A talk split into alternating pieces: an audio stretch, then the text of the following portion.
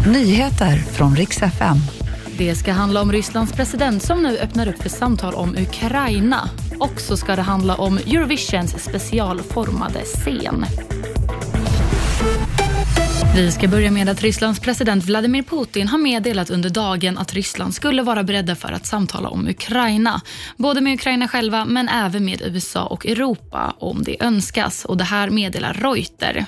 Trots att Putin nu har öppnat upp för att samtala berättar han dock att ett medlemskap i NATO för Ukraina inte kommer att accepteras inom de närmsta 10 till 20 åren. Vi går vidare med att Svea hovrätt nu dömer Hamid Nouri för mord och grovt folkrättsbrott. Alltså fastställs redan tingsrättens tidigare dom. Han döms till livstidsfängelse för att ha deltagit i massavrättningar av politiska fångar i ett iranskt fängelse 1988. Och slutligen ska det handla om Eurovision Song Contest då SVT nu i ett pressmeddelande har berättat hur scen och ljuddesign kommer att se ut under tävlingen nästa år i Malmö.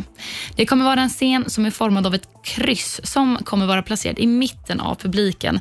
Och Den här designen står Florian Weider och Fredrik Stormby för som på varsitt håll tidigare arbetat med stora projekt som MTV Video Music Awards och ABBA Voyage.